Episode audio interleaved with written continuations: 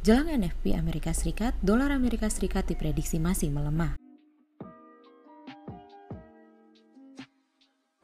Halo Sobat Trader, kembali lagi bersama saya Ingrid dari Forex Simpro.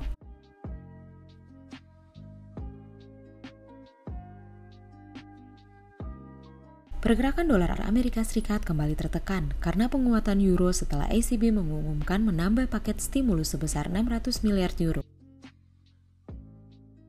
Hal ini membuat bursa-bursa saham dunia tetap naik dan membuat permintaan safe haven, gold, dan yen Jepang melemah, sekalipun terjadi demo besar di Amerika karena kasus kematian George Floyd oleh polisi. Akan tetapi, malam nanti perhatian trader dunia akan terfokus pada data tenaga kerja Amerika Serikat yang diprediksi masih memburuk akibat pandemi COVID-19. Sekalipun diprediksi data Non-Farm Employment Change atau NFP Amerika Serikat ini akan bertambah dari minus 20 juta 500 ke minus 8 juta. Namun pertambahan ini masih belum keluar dari area negatif sehingga diprediksi masih akan melemahkan dolar Amerika Serikat terhadap mata uang lainnya. Jelang NFP Amerika Serikat ini, gold diprediksi akan turun menuju level 1686,5 GBP USD diprediksi akan naik menuju level 1,2652 hingga level 1,2706.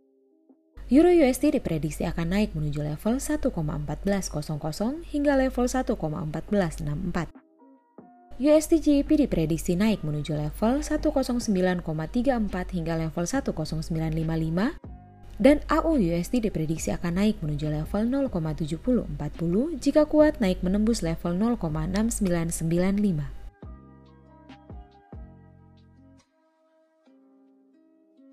Sekian untuk informasi forex hari ini dan sampai jumpa di episode selanjutnya.